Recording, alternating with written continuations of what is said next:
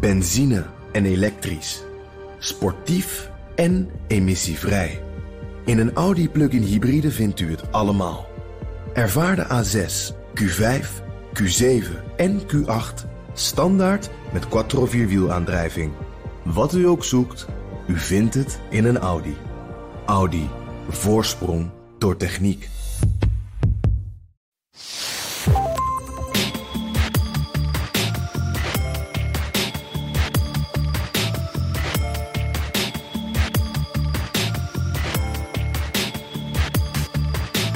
Taiwan is een eiland zo groot als Nederland, heeft 24 miljoen inwoners. En China ziet Taiwan als afvallige provincie. Verbiedt ook andere landen Taiwan als land te erkennen.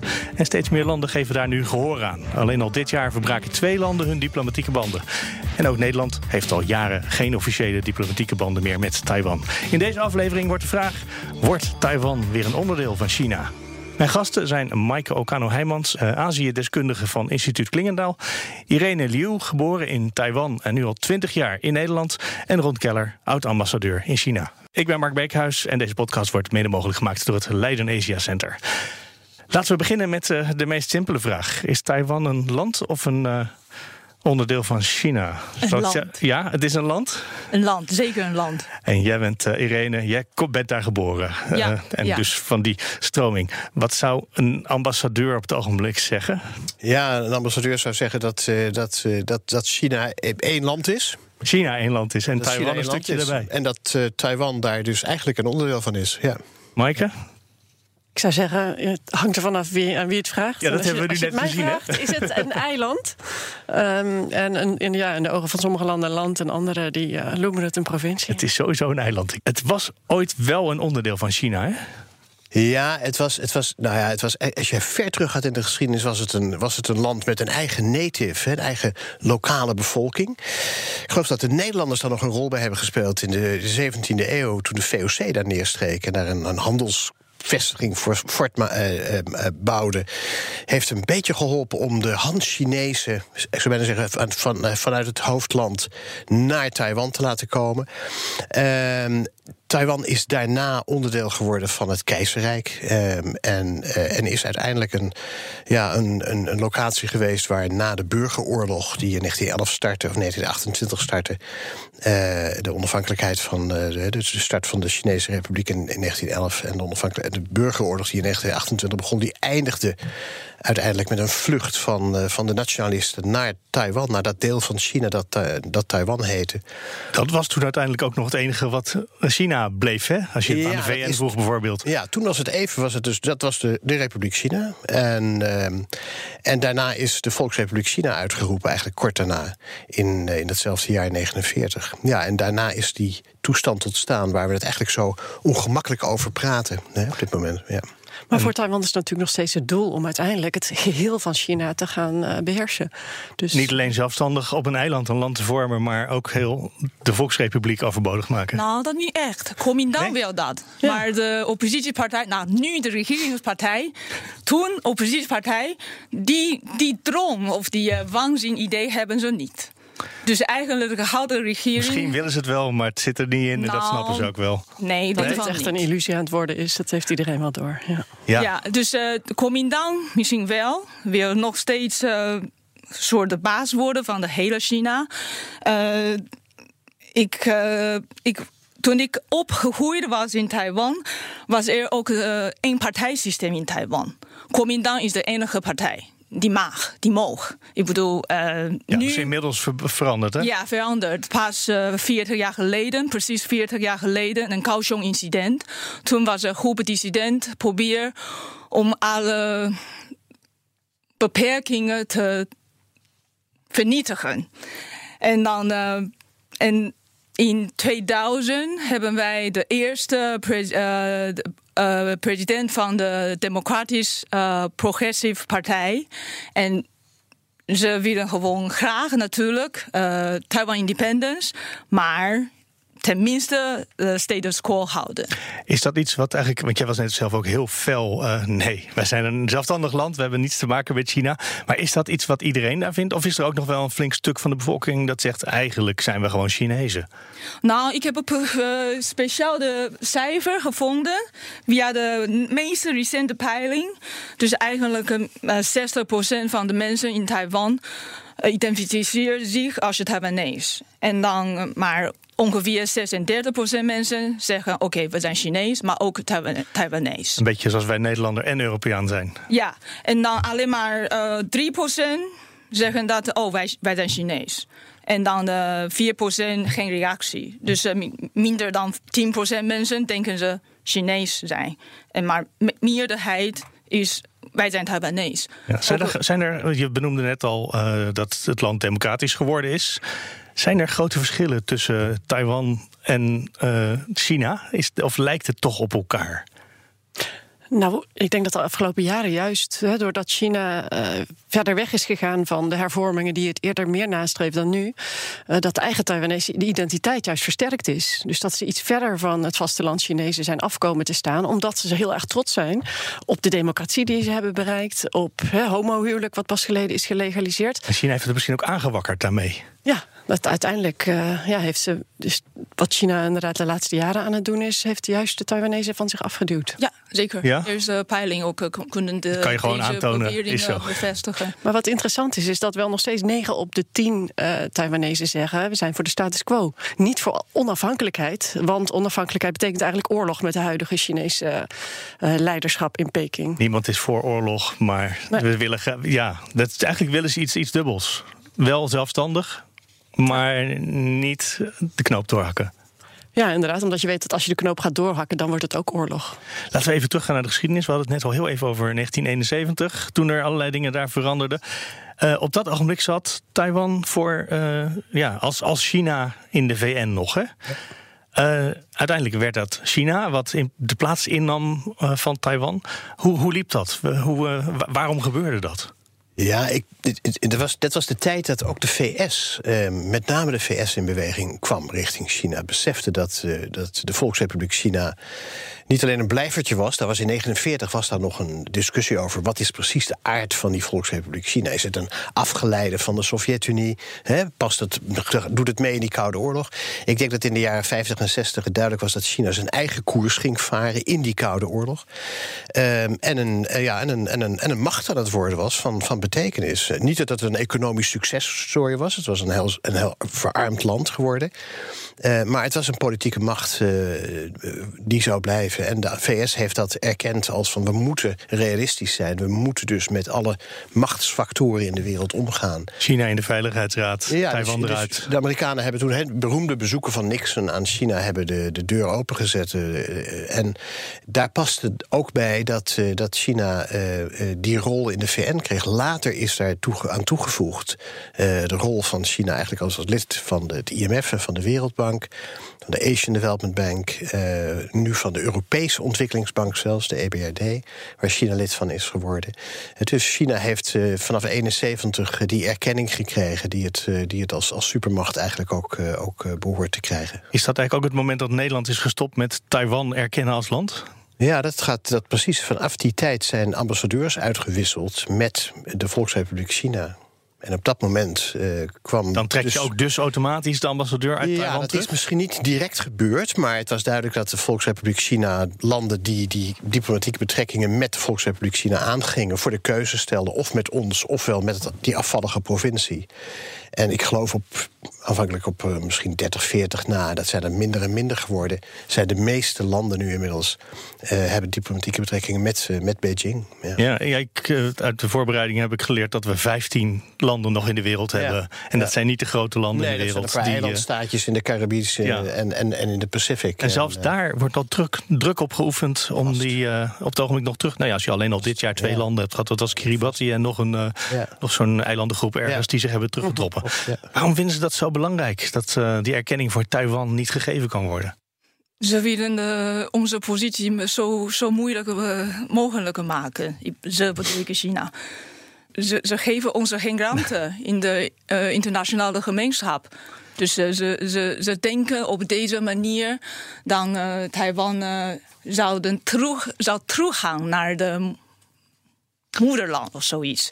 Zo moeilijk maken dat je geen andere keuze hebt van dan te denken: ja, ja het is beter om bij China aan te sluiten. Ja. Maar uh, Ron, en ik heb dat aan het begin helemaal niet gevraagd. Vinden jullie het goed als ik voornamen en je en jij gebruik? Zeker, maar zeker. Ja. Ik ben blij dat jullie nu daar ja op zeggen. Anders moet we opnieuw beginnen. Uh, maar Ron, uh, je knikt nee. Nou ja, ik denk dat China niet zozeer een, een, een, een, een hinderlast wil zijn voor Taiwan. Maar China heeft zijn eigen, uh, zijn eigen logica. En ten eerste is die logica het land bij elkaar houden. Het is niet alleen Taiwan. We, hebben, we kijken nu naar de beelden uit, uh, uit Hongkong. Die, uh, hè, dat is ook een hele geschiedenis. Er is een aparte podcast ongetwijfeld aan gewijd zijn. Uh, meer dan één, al ja. meer dan één. Tibet. in, in, wat... in, die podcast over Hongkong komt altijd Taiwan als ja. vergelijkbaar probleem naar ja, voren. het is niet helemaal vergelijkbaar. Helemaal niet vergelijkbaar. Nee, maar, maar vanuit, toch. wat ik nu wil zeggen, wel.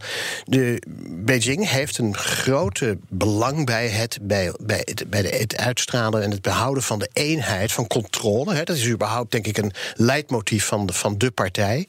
Ik aarzel om het woord communistisch in, mijn, in mijn mond te nemen. Maar de partij wil in controle blijven. Dat is, denk ik, ook de reden waarop de, sommige hervormingen nu het, he, een klein beetje worden teruggehaald.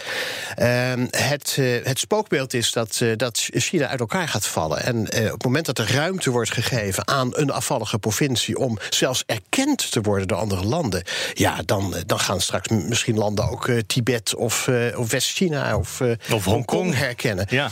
Uh, dus, uh, dus het is voor, voor, voor, voor Beijing is het een, een, een absolute must om de eenheid uit te stralen en, en te bewaren. De, ja, in feite met, met alle dwang en drang die daarbij, die daarbij wordt gehanteerd. Ja. Nou ja, ik denk dat dat, dat is inderdaad hoe de Chinezen het zien. En we hoorden net hoe de Taiwanese het zien. Ik denk dat allebei klopt vanuit de verschillende standpunten. Dat China bezig is om de internationale speelruimte van de Taiwanese niet alleen in vriendschappen die ze hebben met landen, hè, die ze dan echt als land herkennen, maar ook in internationale gemeenschappen, om die ruimte van Taiwan in te perken. Dat is heel duidelijk. Hoe houdt Taiwan zich dan staande? Wat, wat kan je voor uh, tegenwicht bieden? Nou ja, de Amerikanen hebben eerder dit jaar nog een, een Taiwan Act, ik weet niet meer precies hoe die heet, zo'n hele ingewikkelde lange naam aangenomen, waarin ze wel zeggen, we moeten meer nu toch Taiwan gaan steunen. Eerst waren ze een soort van neutraal. Nou, wij, wij steunen eigenlijk vooral dat China en Taiwan dit vreedzaam oplossen. En nu zijn ze daarin aan het schuiven dat ze toch iets meer de kant van Taiwan kiezen. En dat is dus wat, uh, nou ja, als Amerika dat uh, doet, dan betekent dat natuurlijk heel veel voor Taiwan. En dan betekent het een stuk meer weerstand voor de Chinezen. Dat zou een oorlog met Taiwan ook meteen een oorlog met Amerika zijn. Dat lijkt me geen prettig vooruitzicht. Ja, maar helaas is uh, Taiwan de uh, pion in de hele strijd tussen China en uh, ja, Amerika. Een willoos slachtoffer in de strijd?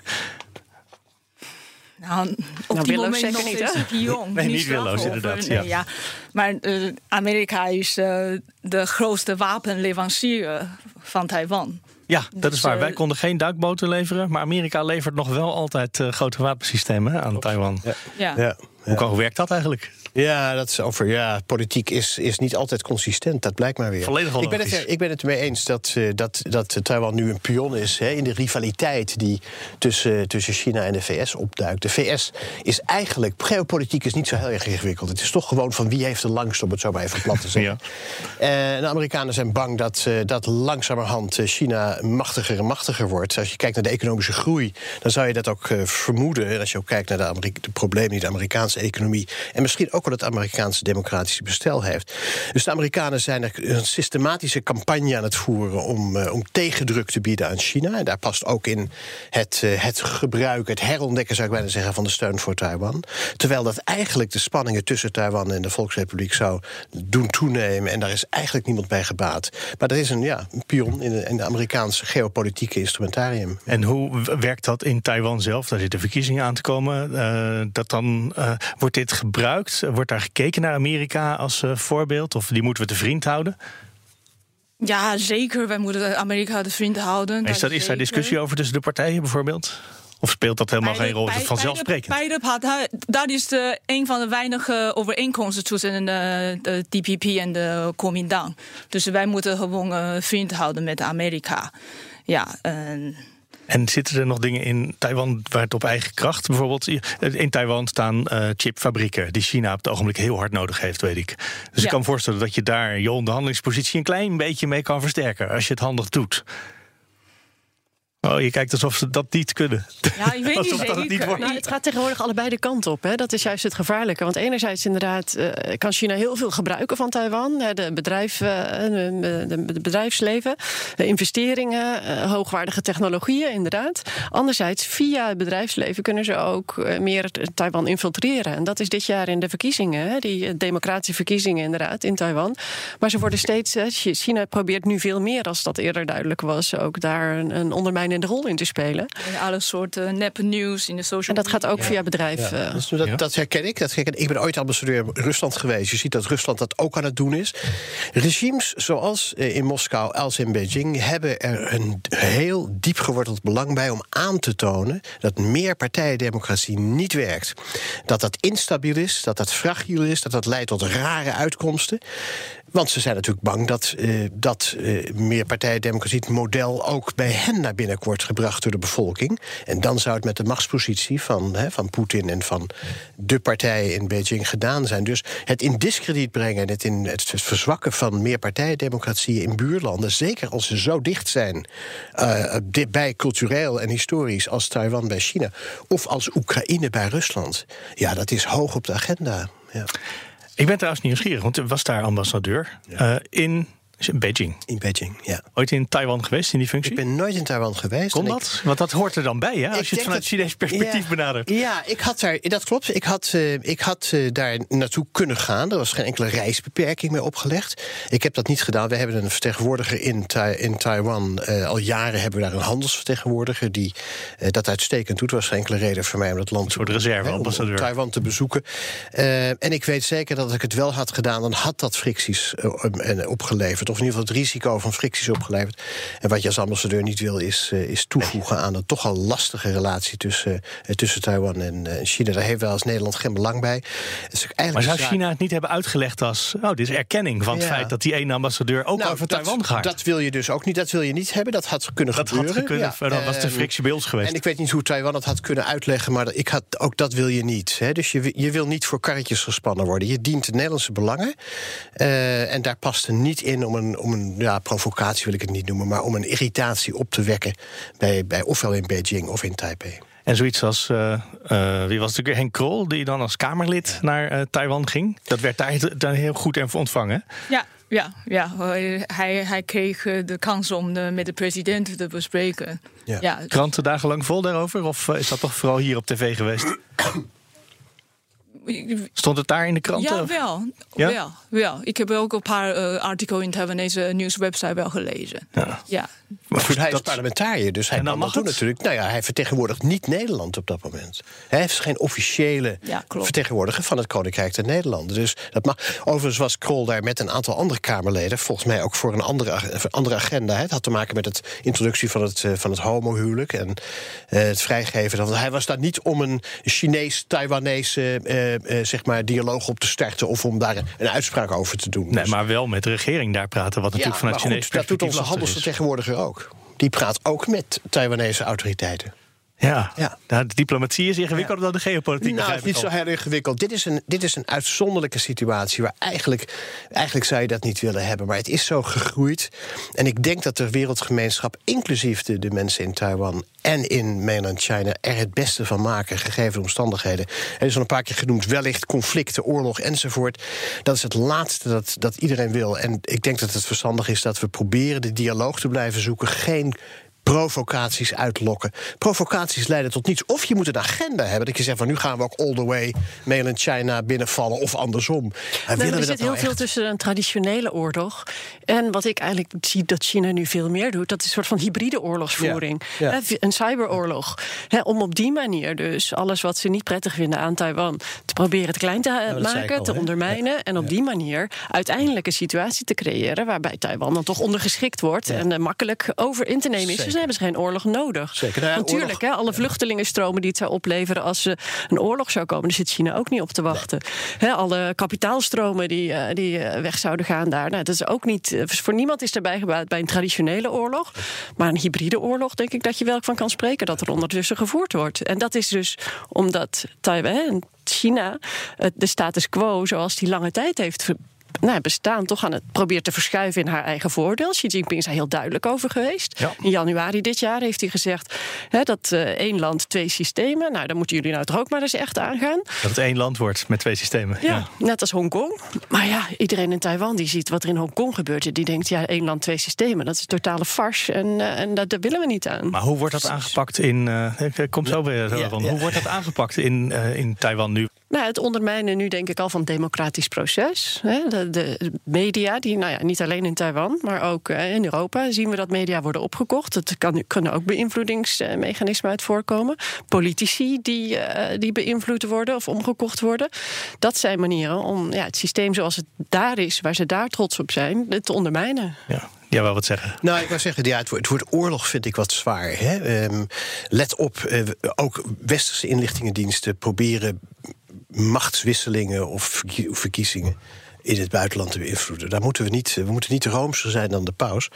China, ik zei het al, heeft er belang bij, hè, vanuit het beeld van wij zijn een eenpartijstaat, wij zijn een, een top-down van bovenaf geregeerd land, heeft er belang bij om te laten zien dat meer partijendemocratieën niet, uh, niet succesvol kunnen zijn en fragiel zijn. Dus dat, je praat over ondermijning of beïnvloeding, dan heeft het daarmee te maken. Ik vind het woord oorlog wat zwaar. Wat zwaar. En ik denk dat China geen staats, uh, staatsrechtelijke of staatskundige uh, op, optiek erbij heeft, maar meer wil laten uh, wil, bang is, laat ik het maar zo zeggen. Laten zien hoe het uit de hand kan lopen. Bevreesd is dat de meerpartijendemocratie het fantastisch doet op Taiwan. Net zo goed als Rusland bevreesd is dat de meerpartijendemocratie en de vrijheid die er in Oekraïne is, zo goed werkt voor, voor Oekraïnse burgers. En dat, dat is een, een spookbeeld. weet ik letterlijk uit de mond van Poetin. Ik heb Xi Jinping daar nooit over gesproken. Je was in de Dacia van Poetin dat hij daar dezelfde beeld bij heeft. Als meerpartijdemocratie succesvol is, dan is dat bedreigend dat is, ja. voor, een, voor een dictatuur, om het maar even zo te zeggen. En toch, want je zegt het woord oorlog moeten we niet gebruiken. Daar hebben we ook een andere podcast voor. Dat is uh, de Boekenstein in de Wijk. Dat eindigt altijd met de Derde Wereldoorlog. Als het een beetje lukt hoe het gesprek uh, loopt. ja, uh, ja, Maar toch is dat iets waar in Taiwan over gepraat wordt. Dat dat een mogelijkheid is dat er een keer een oorlog van komt? Ja, wij weten dat uh, er duizenden raketten op uh, Taiwan uh, gericht zijn. Oh, dat is op die begin. momenten ze mogen gewoon een vinger trekken, dan oké, okay, dan is de raket afgevuurd. En in 19, 1996, de eerste keer de Taiwanese presidentverkiezingen toen zei Zhu Rongji: Oké, okay, als jullie heel expres, als jullie op Li Denghui stemmen, dan uh, gaat de raket naar jullie toe. En dan de peiling was meteen iedereen dacht: Oké, okay, kom maar met de raket. Wij gaan toch op Li Denghui stemmen. Ja, dus er wordt wel over gesproken, maar het ja, werkt dus, ook weer averechts. Ja, dus uh, oké, okay, wij zijn wel gewend aan het feit, uh, aan de dreiging of de retoriek van China. Uh, wij hopen dat ze dat niet gaan doen. Uh, we zijn helaas uh, eer aan gewend. Maar ja. wij doen misschien ook weer een beetje laconiek over. Want uh, wat anders. We zijn verdrietig, we zijn boos. Um, Wordt er met extra veel interesse naar Hongkong gekeken, ook al is de zeker, situatie anders? Zeker, ja, zeker. Dus uh, zeker, oké, okay, er is, uh, wij zeggen vandaag Hongkong, morgen Taiwan. Dus wat is nu gebeurt in Hongkong is waarschijnlijk de, toekomst van Taiwan. Als Taiwan wordt bezet door China door, of wordt annexeerd. Ik uh, weiger om um, Gerine, sorry, mijn afspraak niet goed, uh, reunited. Ja. Uh, I, I weiger, ik weiger om dat woord te gebruiken, want het hangt af van welke invalshoek. Kun je ook zeggen, Taiwan is niet echt onderdeel van China geweest. Uh, misschien 200 jaar China beïnvloed uh, in Ming, einde van Ming-dynastie en Qing-dynastie. Maar toen was nooit echt heel formele gouverneur of wat. Pas vrij later uh, jullie moeten niet vergeten, Taiwan onderdeel is geweest van Japan. 50 jaar invloed van Japan.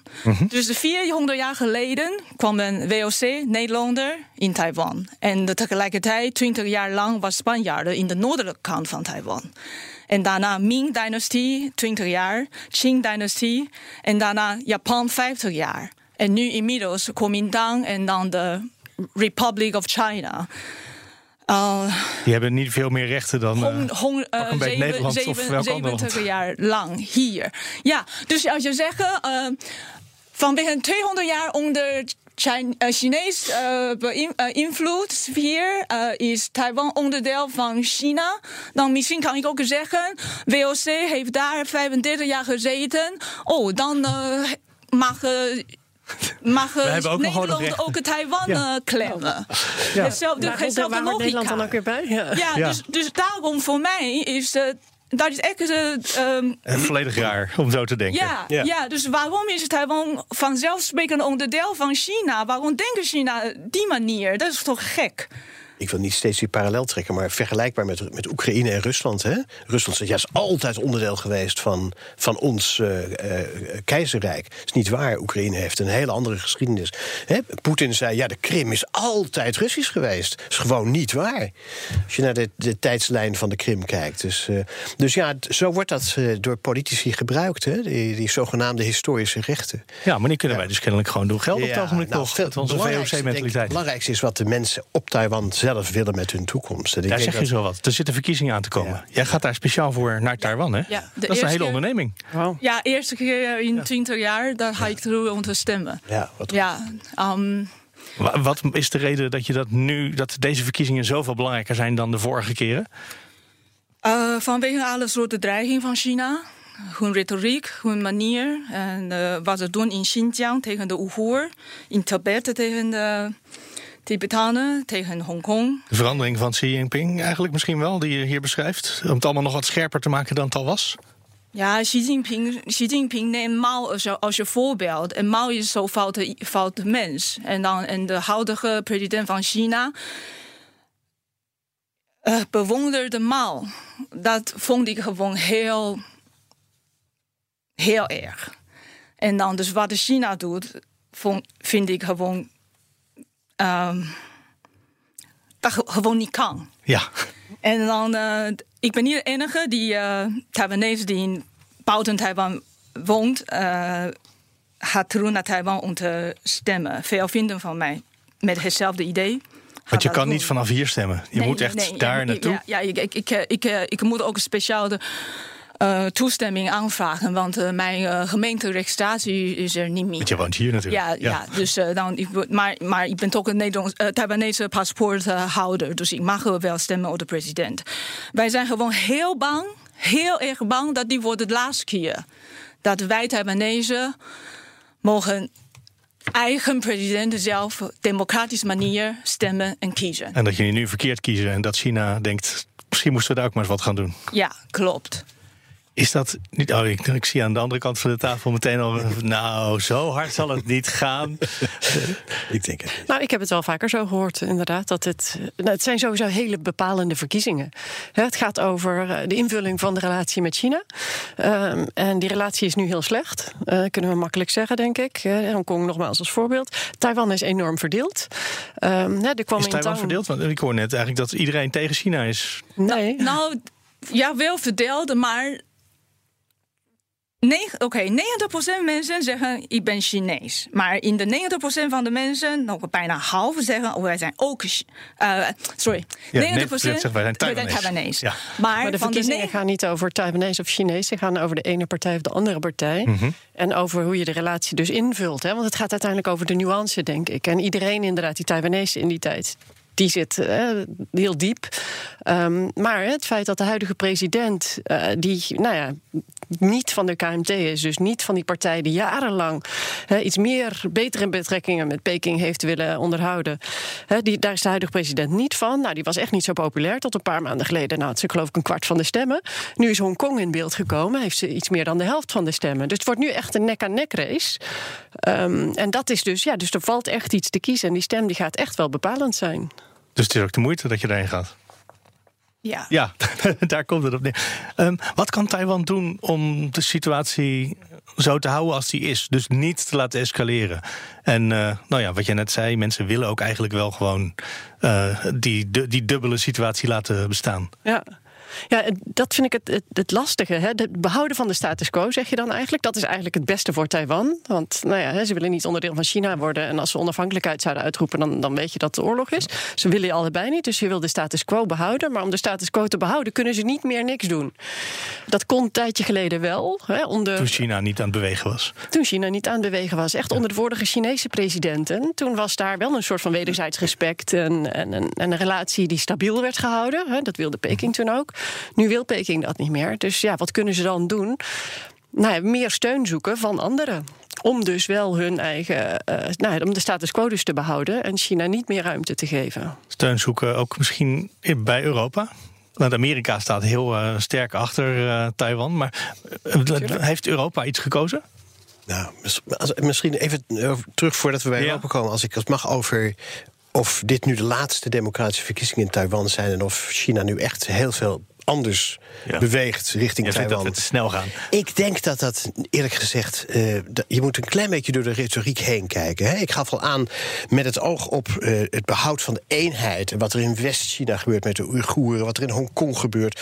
Moet Xi Jinping wel uitspraken doen over wij zijn één China, één land en dus ook Taiwan. Ik denk dat er geen veranderde Taiwan-agenda voor, vanuit Beijing is. Ik schat in dat er een, een, een zorg is. China heeft grote zorgen. Zorg 1 uh, is de economie. Um, uh, een, een, een, iets wat vind ik totaal onderschat wordt in dit deel van de wereld. Chinese economie staat, uh, nou ik wil niet zeggen op instorten, maar staat er veel en veel zwakker voor dan wij denken. De maakindustrie trekt weg. Er komt geen nieuwe industrie voor terug. Innovatie, modernisering wordt gezegd. Zit niet echt in de genen en in de cultuur van China om te innoveren. Meer marktwerking wordt er gezegd. Dat zaakt haaks op het machtsmonopolie van de partij. Dus China krijgt recepten voor een oplossing bij de wegtrekkende markteconomie, een maakindustrie, waar het eigenlijk niet mee vooruit kan. Dus de Chinese economie en de Chinese autoriteiten zien dat heel goed. Als je rapporten van de centrale bank leest, dan zie je dat China eerder in paniek is en zorgen heeft over zijn eigen economische model, dan dat het lekker in zijn vel zit. Maar nou, dan heb je toch ook wel dat landen soms denken: het gaat economisch even wat moeilijker. Laten we even in het buitenland nou, laten zien dat we belangrijk dat zijn. Dat zou ik gaan zeggen. Dat, dan, dan, dan is er dus, als je dat combineert met het feit dat er aan de rand dus een aantal hotspots zijn. Nou, Tibet is nog geen hotspot, maar potentieel wel. wat er in het Westen gebeurt, is natuurlijk ook een, een, een, zijn ontwikkelingen die ook voor Beijing zorgwekkend zijn. Dat de reactie daarop weer, weer, weer uh, een is die niet door de beugel kan, is weer een andere zaak. Maar het is logisch dat men dus probeert vanuit die verzwakte economie, verzwakkende economie, en als men vooruit denkt, ziet men eigenlijk geen licht aan de horizon. De, de, de nieuwe zijderoute is een klein beetje een poging om tijd te winnen, maar gaat geen echt soelaas bieden. Men probeert nu nog de overcapaciteit in de constructiesector te exporteren. Maar op een gegeven moment heeft ook Afrika voldoende uh, high-speed trains en havens en wegen en zo. Dus dat, daar is een einde aan dat model. En dan, ja, dan als je dan ook nog eens uh, een aantal hotspots om je heen hebt die politiek gezien een ander model laten zien, of die zich zoals Hongkong niet zo eenvoudig in dat one country, one system laten duwen, of die zich zoals in West-China aan het ontwikkelen zijn tot ja, onafhankelijkheidsbeweging, afscheidingsbewegingen, ja, dan kan ik me voorstellen dat je als Beijing zegt van en daar moeten we dus harder op duwen, op die eenheid, die politieke eenheid. Daar wordt Taiwan in meegenomen. Zo, bezien, zo zie ik de Taiwan-agenda. Het is niet een agenda van. Het gaat niet over Taiwan, het, het gaat, over China. Het bredere beeld van een land dat zich economisch in de knel begint te voelen. En geopolitiek eh, door de VS in de hoek wordt gezet. Misschien ook wel een beetje door Europa. En dat dus eh, probeert wanhopig die, die eenheid te bewaren. Om het zo, hè, de, de, de, de, de fictie. Ik denk dat het een hele goede beschrijving is van hoe de Chinezen het zien, inderdaad. En ik denk dat het, ja, dat, om het als Nederlander zo te zeggen, vind ik dan wel ietsjes. Uh, nou, ik zou het niet zelf Waarom zo maakt dat perspectief zoveel verschil? Nou ja, omdat hè, wat de Chinezen natuurlijke hereniging zien. Hè, ja, een afvallige provincie, die, ja, tuurlijk komt die terug bij ons. Uh, ja, nogmaals, ik ga daar niet zo in mee dat dat per se zo is. En ik denk dus eigenlijk dat, het, ja, dat er waarde is ook in het erkennen van hè, Taiwan als uh, nou ja, niet onderdeel van de Volksrepubliek China. Hè, omdat ze dat juist uh, zelf willen. En moeten heel erg oppassen, inderdaad, niet de kat op het spek te binden. Want als je nu opeens enorme steun voor Taiwan zou uitspreken, ja, dan kan je juist Peking in, een, in een hoek drijven, waardoor ze hè, de, de gekke sprongen gaan, gaan maken. Kijk dat is ook dus niet in het belang van Taiwan. Ehm, maar goed, nogmaals, dan zou ik ook niet meegaan in de retoriek van, eh, van de Chinese Oh, maar even voor de goede orde. Ik ga helemaal niet mee in de ret- Ik probeer te beschrijven wat er vanuit Beijing gebeurt. Ja. Ehm, eh, kijk, wat de Nederlandse regering daarvan vindt. eh, nou, dat is, dat is, hè, de Nederlandse regering probeert ook te laveren tussen die verschillende belangen door. Ik spreek niet namens de Nederlandse regering hier. Ik spreek ook niet namens eh, Xi Jinping. Ik probeer, ik probeer vooral te duiden wat er in China, in mijn optiek, met, met, eh, met de kennis en ervaring die ik heb, wat er aan, het, aan de hand is. Maar vanuit Nederland zouden wij dat toch heel fijn vinden als Taiwan gewoon een land was waar we mee konden handel Nou. drijven onder de naam Taiwan. Ik, ik weet, Of ik- interesseert ons dat eigenlijk Maar niet de zo? facto, dat is de situatie. Dat doen we al, hè? we Ja. noemen het alleen geen land. Nee, ja, precies. ja, al heel precies. lang. Ja, al heel lang. Dus eigenlijk de facto hebben wij alle soorten uh, echt een goede relatie met de, alle, alle landen. Met de, verliezen. met de gewoon, Taiwanese paspoort kunnen we overal reizen zonder visum aanvragen. Dus de Nederlandse bedrijven kunnen zich op onderzeebootleveranciers Ja, na- nou, die, precies. Ja. Die, kunnen, die kunnen daar heel vrij. eh, en die, het, is, het is een van de, van de meest welvarende economieën ter wereld in Taiwan. Dus daar, Ja. eh, daar, daar, daar pikt ook het Nederlands bedrijfsleven eh, flink wat gaatjes van mee. Maar dan moet het toch simpeler zijn als je daar gewoon rechtstreeks Ja. mee praat. In Waar plaats ik- van dat je altijd rekening moet houden met die Chinese Ja, buren. Ja, maar waar ik, waar ik moeite mee heb, zeg ik eh, eh, als, als voormalig eh, ambassadeur, is dat we als Nederland uitspraken gaan doen over hoe eh, landen zich moeten gaan organiseren. Maar dat Ik- is wel wat geef- China. China dringt ons een positie op Nou, dat ja. wij moeten kiezen. Ja, nou, we hebben geprobeerd om daar dus uiteindelijk niet tussen te kiezen. En eh, daar dus doorheen te laveren. We hebben uiteindelijk een keuze gemaakt in 71. Eh, dat is waar. Maar we hebben geprobeerd om toch die keuze zoveel mogelijk open te laten. Ik denk zelf, maar dan praat ik echt over me- vanuit mijn eigen optiek. eh, we moeten heel erg oppassen om niet met twee maten te meten. Hè? Als, als eh, Catalonië onafhankelijkheid wil, dan zegt de Nederlandse regering: ja, sorry, we, gaan niet grenzen veranderen. Als Schotland onafhankelijkheid wil, dan zeggen we datzelfde. Als Vlaanderen dat wil, als Friesland dat zou willen, bij van spreken, zeggen we ook van sorry. Maar, hè, eh, dus eh, we moeten oppassen, denk ik, als Nederland, dat we uitspraken doen over wat er met eh, West-China moet gebeuren, of met Tibet of met Taiwan moet gebeuren. Waar we wel op kunnen duiden, is dat er internationale afspraken zijn over mensenrechten. Dat er internationale afspraken zijn over het erkennen van de integriteit van landen. Pas op, er zijn afspraken gemaakt over het erkennen van de integriteit van land. Dat verklaart waarom we de- Puigdemont niet eh, vol, volmondig steunen. Er zijn afspraken over gemaakt. We gaan niet elkaars grenzen ondermijnen. Dus we moeten met al onze sympathie, en, en, en, en, en die hebben we, en die heb ik ook, en goede gevoelens over de Taiwanese bevolking, eh, moeten we oppassen dat we niet onze eigen principes en die internationale standaards geweld aan doen. Vanuit nou ja, sympathie en, en, eh, en medemenselijkheid. Want uiteindelijk hebben wij als Nederland er belang bij dat die internationale rechtsorde gehandhaafd wordt. Wij zijn te klein geopolitiek. Dat mensen niet hier even komen uitleggen hoe, de, hoe het land gerund moet worden. Ja, we moeten daarmee, wij moeten daarmee oppassen. Ons past enige bescheidenheid. Het is, een, het is uiteindelijk een zaak die door de Chinese bevolking, zowel in mainland als in Taiwan, zal moeten worden opgelost. We gaan naar het einde van deze podcast. En dan ga ik altijd terug naar de vraag waar ik mee begon, waar we heel erg omheen gecirkeld hebben. Wordt Taiwan weer een onderdeel van China? En het hoeft niet per se een ja of nee antwoord. Maar als het in één zin lukt, is het wel heel fijn. Mag ik een aftrap Jij mag een aftrap ik denk geven. dat dat binnen, voor zover we nu kunnen uh, Voorlopig overzien, niet. absoluut niet gaat gebeuren. Ik denk dat de huidige status quo met alle eh, eh, rafels die er zijn... en met de bewegingen die er zijn en belangen die er zijn... eh, eh, nog een lange tijd zal voortduren. Ron Keller, dankjewel. Dezelfde vraag leg ik ook voor aan Maaike Okano-Heijmans. Gaat inderdaad Taiwan weer onderdeel worden van China? Ik denk dat de tijd in China's voordeel werkt. En ik hoop dat het een ander China wordt op termijn. Kijk, daar zit al heel veel mooie diplomatie tussen. En wat denk je, Irene Liu? Komt het ervan of valt het te stoppen? Nou, ik hoop van. eh, natuurlijk niet onderdeel worden van China. Mhm. Maar wat wij, wij hebben onze eigen eh, democratie, eigen systeem. We zijn vrijer, we zijn toleranter, we zijn een heel open eh, samenleving. Dus eh, wij, ze- wij willen absoluut niet terug naar de eenpartijsysteem uh, 40 jaar geleden. En daarvoor ga je naar Taiwan om daar te stemmen. Om in ieder geval dat voorlopig nog even zo te houden. We komen aan het einde van de China-podcast. Dank aan mijn gasten. Deze podcast wordt mede mogelijk gemaakt door het Leiden Asia Center. En deze en alle andere afleveringen kan je altijd terugvinden via bnr.nl slash China-podcast. Je vindt ons ook in de BNR-app, in iTunes, in Spotify. Wil je reageren? Dat kan via podcast.bnr.nl. Over twee weken, dan zijn we er weer.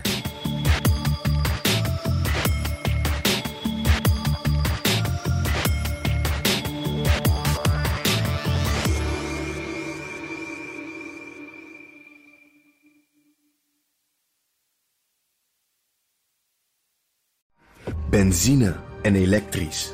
Sportief en emissievrij. In een Audi plug-in hybride vindt u het allemaal. Ervaar de A6, Q5, Q7 en Q8 standaard met quattro vierwielaandrijving.